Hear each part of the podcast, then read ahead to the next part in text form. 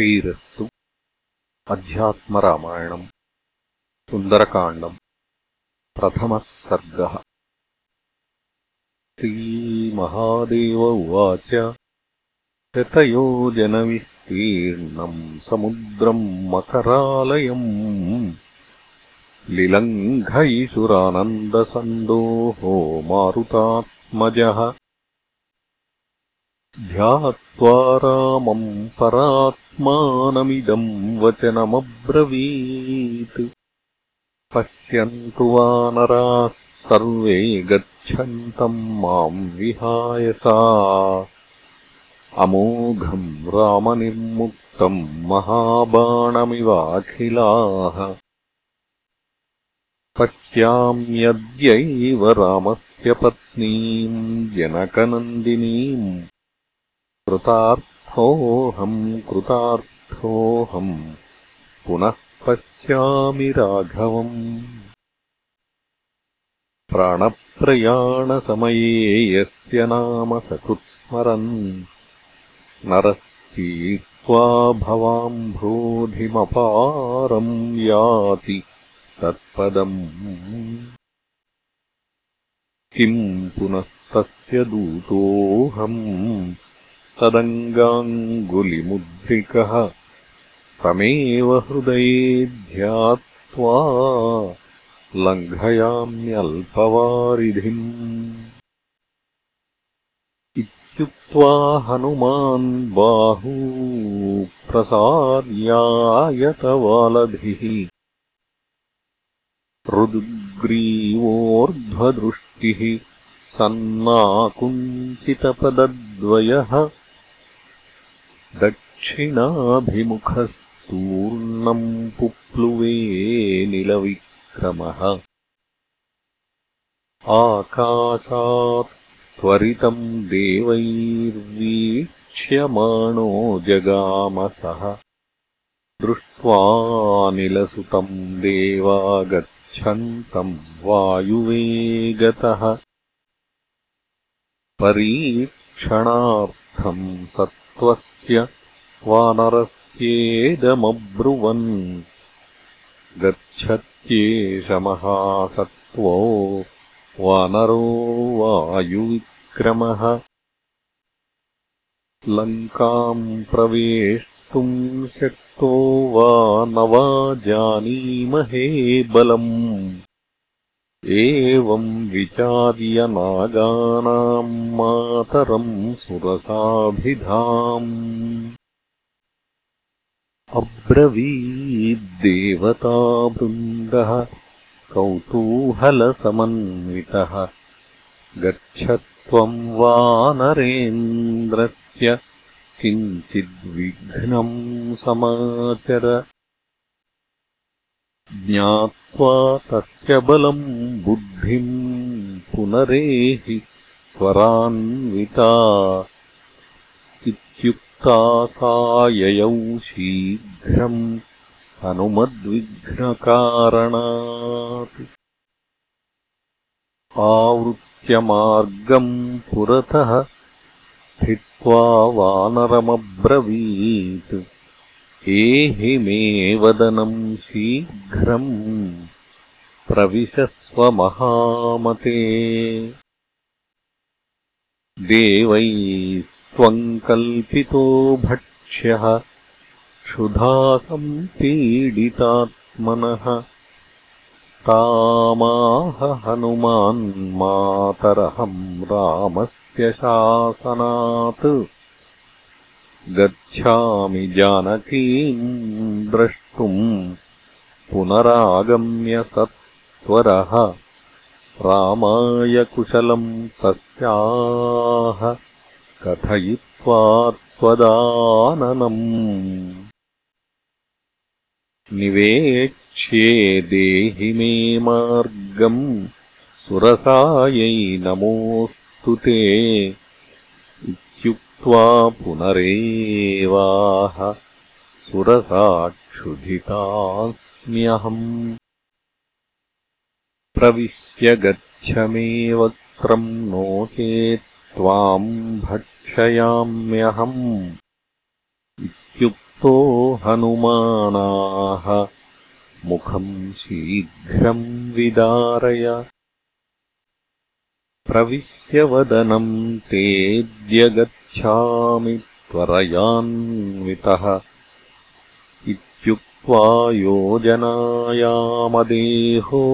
भूत्वा पुरःस्थितः दृष्ट्वा हनुमतो रूपम् सुरसा पञ्चयोजनम् मुखम् चकार हनुमान् द्विगुणम् रूपमादधत् ततश्चकारसुरसा योजनानाम् च विंशतिम् वक्त्रम् चकार हनुमान् त्रिंशद्योजनसम्मितम् ततश्चकारसुरसा पञ्चाशद्योजनायतम्। वक्त्रम् तदा हनूमांस्तु बभूवाङ्गुष्ठसन्निभः प्रविश्यवदनम् तस्याः पुनरेत्यपुरःस्थितः प्रविष्टो निर्गतो हन्ते वदनम् देवि ते नमः। एवम् वदन्तम् दृष्ट्वा सा हनूमन्तमथाब्रवीत्। गच्छ साधय रामस्य कार्यम् बुद्धिमताम् वर। देवैः सम्प्रेषिताहन्ते बलम् जिज्ञासुभिः कपे। दृष्ट्वा सीताम् पुनर्गत्वा रामम् द्रक्ष्यसि गच्छ भोः इत्युक्त्वा साययौ देवलोकम् वायुसुतः पुनः जगाम वायुमार्गेण गरुत्मानिव पक्षिराट्। समुद्रोऽप्याहमैनाकम् मणिकाञ्चनपर्वतम् गच्छत्वेषमहासत्त्वो हनुमान्मारुतात्मजः रामस्य कार्यसिद्ध्यर्थम् तस्य त्वम् सचिवो भव। सगरैर्वर्धितो यस्मात् पुराहम् सागरोऽभवम् तस्यान्वये बभूवासौ रामो दाशरथिः प्रभुः। तस्य कार्यार्थसिद्ध्यर्थम् गच्छत्येष महाकपिः। त्वमुत्तिष्ठ जलात् तूर्णम् त्वयि विश्रम्य गच्छतु। स तथेति प्रादुरभूज्जलमध्यान्महोन्नतः नानामणिमयैः शृङ्गैस्तस्योपरि नराकृतिः। प्राहयान्तहनूमन्त मैनाकोऽहम् महाकपे। समुद्रेण समादिष्टस्त्वद्विश्रामाय मारुते। आगच्छामृतकल्पानि जग्ध्वा पक्वफलानि मे। विश्रम्यात्र क्षणम् पश्चाद्गमिष्यति यथा सुखम्। एवमुक्तोऽथ तम् प्राह हनुमान्मारुतात्मजः गच्छतो रामकार्यार्थम् भक्षणम् मे कथम् भवेत्? विश्रामो वा कथम् मे स्याद्गन्तव्यम् त्वरितम् मया। इत्युक्त्वा पृष्टशिखरः कराग्रेण ययौ कपिः। किञ्चिद्दूरम् गतस्यास्य छायाम् छायाग्रहोग्रहीत् सिंहिका नाम सा घोरा जलमध्ये स्थिता सदा। आकाशगामिनाम् छायामाक्रम्याकृष्य भक्षयेत्। तया गृहीतो हनुमाम् चिन्तयामास वीर्यवान्। केनेदम् मे कृतम् वेगरोधनम्। विघ्नकारिणा। दृश्यते नैव कोऽप्यत्र विस्मयो मे प्रजायते। एवम् विचिन्त्य हनुमानधो दृष्टिम् प्रसारयत् तत्र दृष्ट्वा महाकायाम् सिंहिकाम् घोररूपिणीम् पपातसलिले तूर्णम् रुषा पुनरुत्प्लुत्य हनुमान् दक्षिणाभिमुखो ययौ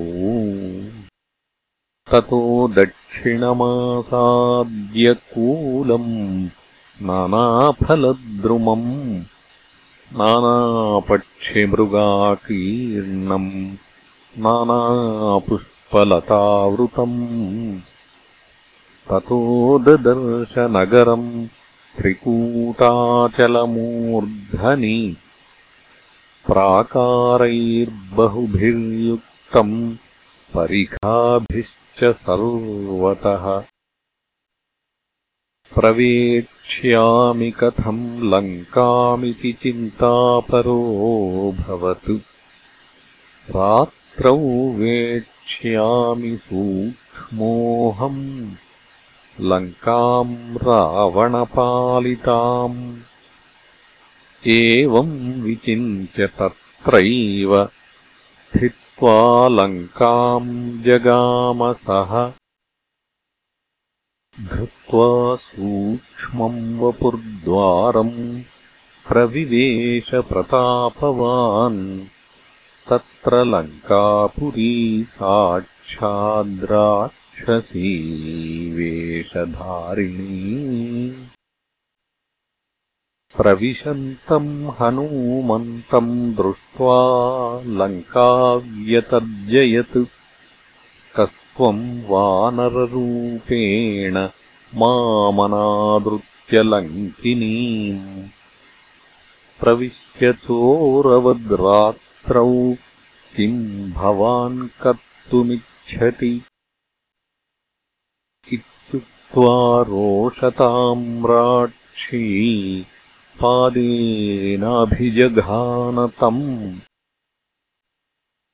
हनुमानपि ताम् वाममुष्टिनावज्ञयाहनत्।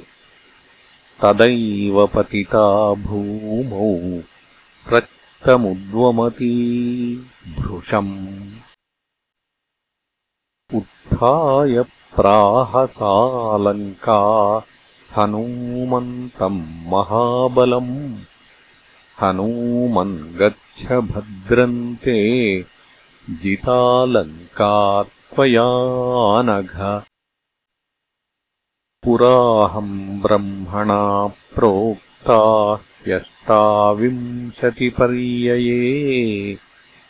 त्रेतायुगे दशरथी रामो नारायणो व्ययः।